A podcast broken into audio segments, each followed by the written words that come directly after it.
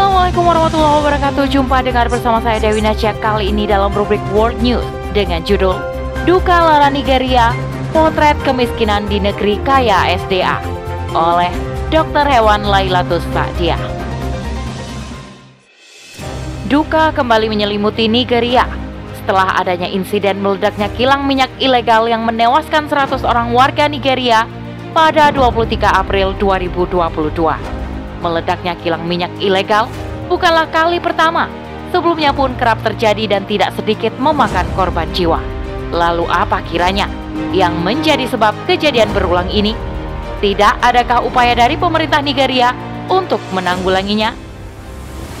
Giant of Africa adalah julukan yang disematkan untuk negara Nigeria karena memiliki jumlah penduduk dan perkembangan perekonomian yang besar. Namun, sayangnya perkembangan perekonomian yang ada tidak sejalan dengan tingkat kesejahteraan masyarakatnya. Konflik horizontal, bencana kelaparan, serta krisis pangan menjadi momok yang sangat menakutkan.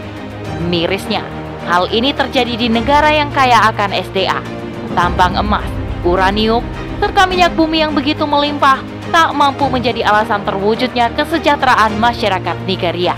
Setidaknya, di tahun 1960-an hingga 1970-an, ada 27 miliar barel cadangan minyak bumi dan menjadikannya negara produsen minyak urutan ke-6 di dunia pada tahun 2008. Bukankah logikanya dengan potensi SDA yang ada, sangat mudah bagi Nigeria untuk mewujudkan kesejahteraan masyarakatnya? Faktanya, hasil minyak bumi tersebut tidak sepenuhnya dikelola untuk kepentingan rakyat. Sebagai salah satu negara penghasil minyak terbesar di dunia, minyak di Nigeria begitu diminati oleh perusahaan dalam negeri maupun asing. Salah satu perusahaan yang tertarik terhadap kekayaan sumber minyak di Nigeria adalah Shell Petroleum Development Company atau SPDC. SPDC sudah beroperasi di Nigeria mulai tahun 1936 dan melakukan eksplorasi berdasarkan hak yang diberikan oleh Nigeria pada November 1938 dan 18 tahun kemudian pada 15 Januari 1956.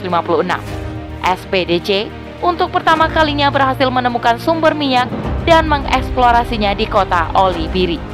Selain bekerja sama dengan Shell, Nigeria juga bekerja sama dengan Mobil, Chevron, Egypt, Elf, dan Texaco. Namun, dalam perjalanannya, Shell yang dianggap pemerintah Nigeria mampu memberi keuntungan lebih besar daripada perusahaan asing lainnya, yaitu mencapai 40% dari total hasil pendapatan minyak diberikan pada Nigeria. Dan memungkinkan mengalami peningkatan seiring dengan meningkatnya jumlah hasil produksi minyak sesuai kesepakatan Nigeria dan Shell. Hingga tahun 2005, Nigeria memberikan hak eksplorasi minyak oleh Shell produksi minyak mentah harian bisa mencapai 75.000 hingga 314.000 barel per hari. Sungguh, hasil yang sangat fantastis. Namun tahun 2005 hingga 2009, produksi cenderung mengalami penurunan karena dipicu adanya ledakan kilang minyak ilegal. Kilang minyak ilegal ini terus bermunculan dan memberikan kerugian yang besar bagi Shell dan Nigeria. Setelah diusut, Ternyata pihak yang harus bertanggung jawab atas pencurian minyak dengan mendirikan kilang ilegal adalah kelompok masyarakat yang merasa tidak puas dengan kinerja pemerintah Nigeria. Kebanyakan dari pelaku adalah para pemuda yang terjebak pada kemiskinan dan pengangguran. Hasil curian minyak dari kilang ilegal tersebut mereka jual semata-mata hanya untuk modal bertahan hidup. Masyarakat merasa seharusnya dengan pendapatan negara yang begitu besar dari produksi hasil minyak, mampu memberikan kesejahteraan kepada masyarakat. Namun faktanya, menurut data PBB pada tahun 2019, tingkat kemiskinan di Nigeria mencapai 41,1 persen. Belum lagi masalah dampak kerusakan lingkungan yang tidak pernah menjadi perhatian khusus pemerintah dan perusahaan terkait, kian membuat masyarakat semakin kecewa. Melihat abainya pemerintah serta banyaknya perjanjian yang tidak dipenuhi dalam upaya pemulihan lingkungan pasca eksplorasi, dan semakin menggebunya ambisi eksplorasi minyak oleh pemerintah Nigeria bersama perusahaan asing mendapat penolakan serius dari berbagai kalangan masyarakat. Aksi damai pun dilakukan. Sejak tahun 1993, tercatat lebih dari 300 ribu masyarakat Nigeria turun ke jalan menentang adanya kejahatan ekologi yang disebabkan oleh eksplorasi minyak di Nigeria. Namun sayangnya, justru tindakan represif oleh pemerintah yang didapatkan masyarakat. Setidaknya ada 2.000 demonstran meregang nyawa dan 30.000 masyarakat kehilangan tempat tinggal. Selain itu, eksplorasi yang dilakukan oleh SPDC juga dinilai telah berkontribusi pada kerusakan lingkungan yang diakibatkan oleh tumpahan minyak dan pencemaran gas flare atau alat pembakaran gas. Adapun dampak pada kesehatan antara lain adalah diare, sakit mata, kulit gatal, dan dilaporkan ada anak usia 2 tahun yang dirawat karena kejang dan demam akibat terkontaminasi oleh minyak mentah. Dampak buruk juga ditemukan di darat dan di lepas pantai seperti pencemaran terhadap laut yang akibatnya merusak biota laut seperti ikan, udang, kerang, dan sejenisnya. Kemudian, akibat dari pengoboran juga menyebabkan gelembung gas sehingga limbah minyak tersebut terbawa oleh arus sampai ke pesisir pantai.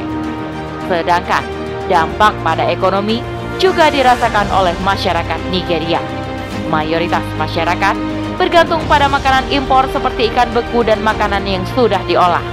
Hal ini dikarenakan warga asli Delta Niger terhambat untuk bercocok tanam karena tanah tidak subur, dan tangkapan ikan yang buruk akibat limbah minyak dan polusi minyak.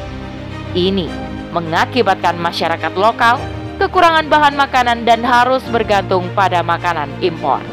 Nahasnya, berbagai penolakan yang dilakukan masyarakat atas eksplorasi minyak tidak mendapat perhatian oleh pemerintah. Pada tahun 2011, pemerintah kembali memberikan izin kepada SPDC untuk melakukan eksplorasi blok minyak OPL 245 di ladang lepas pantai Nigeria. Lalu, jika pemerintah tidak lebih berpihak kepada kepentingan masyarakat, untuk siapa sebenarnya pemerintah Nigeria bekerja? Sebelum kemerdekaannya pada tahun 1960, Nigeria adalah negara bekas jajahan Inggris pasca Perang Dunia I. Pasca kemerdekaannya, Nigeria bergabung menjadi anggota Persemakmuran Inggris awal mula didirikan persemakmuran Inggris dengan tujuan untuk saling mendukung kepentingan anggota negara satu dan lain. Namun, secara realitasnya, apakah demikian? Setelah Nigeria meraih kemerdekaan, pastinya Inggris tidak akan rela kehilangan pengaruhnya atas Nigeria. Alhasil, persemakmuran Inggris inilah digunakan sebagai alat penjajahan baru atas negeri yang telah merdeka.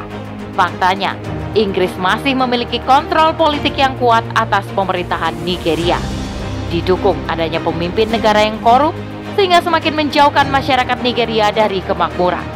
Tidak digubrisnya penolakan oleh masyarakat Nigeria atas kebijakan pemerintah dalam eksplorasi minyak oleh Shell yang notaben perusahaan asal Inggris membuktikan kepada siapa pemerintah Nigeria berpihak.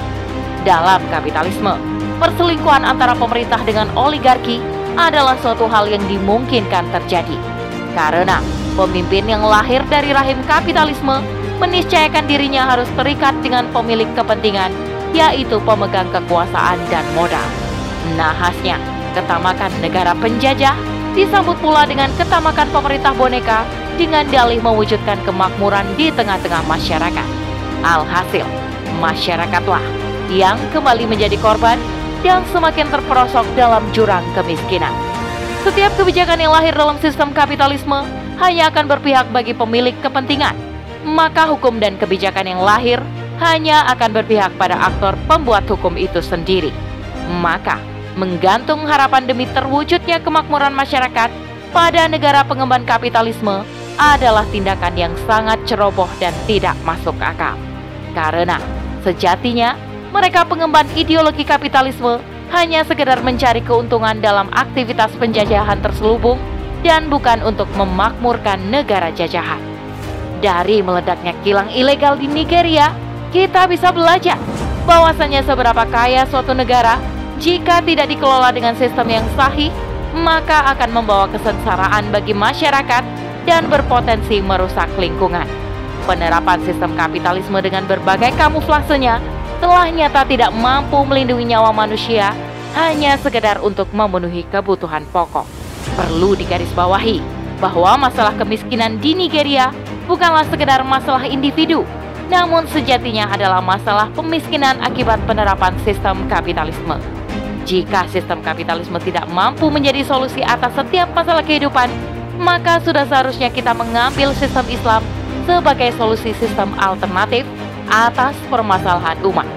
Sistem Islam mampu memberikan jaminan penyelesaian atas setiap masalah kehidupan karena merupakan sistem buatan pencipta langit, bumi, dan seisinya, yaitu Allah Ta'ala.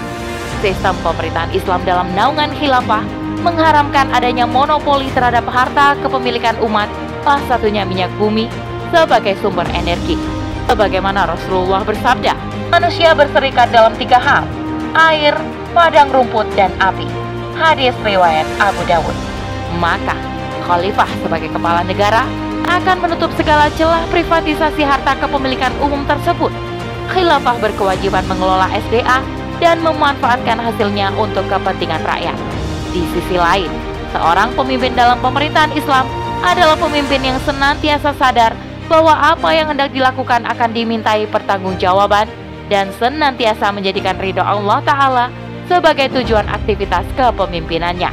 Pemikiran inilah yang akan menjauhkannya dari perbuatan maksiat kepada Allah, termasuk di dalamnya menghantarkan masyarakatnya dalam kesengsaraan hidup. Fokusnya pemerintahan Islam dalam naungan khilafah dalam mewujudkan kesejahteraan dengan memenuhi kebutuhan pokok masyarakat akan menutup adanya potensi tindak kriminal di tengah-tengah masyarakat. Benua Afrika adalah salah satu benua yang beberapa bagian wilayahnya berada di bawah naungan khilafah. Pada masa diterapkannya Islam secara kafah di sebagian wilayah benua Afrika, telah nyata bagaimana khilafah mampu mewujudkan kesejahteraan di tengah-tengah umat. Sebagaimana pada masa Khalifah Umar bin Abdul Aziz, beliau mengutus Yahya bin Said untuk mengumpulkan zakat ke Afrika. Namun, setelah zakat terkumpul, Yahya bin Said sangat kesulitan mencari orang yang berhak menerima zakat di Afrika. Karena tak satu pun masyarakat yang dapat dikategorikan sebagai masyarakat miskin. Inilah sedikit gambaran penerapan aturan Islam, di mana penerapannya secara kafah akan mampu memberikan kemakmuran bagi rakyatnya. Wallahu a'lam bishawab. Demikian rubrik World News kali ini. Sampai bertemu dalam rubrik World News selanjutnya. Saya Dewi Nasya undur diri. Assalamualaikum warahmatullahi wabarakatuh.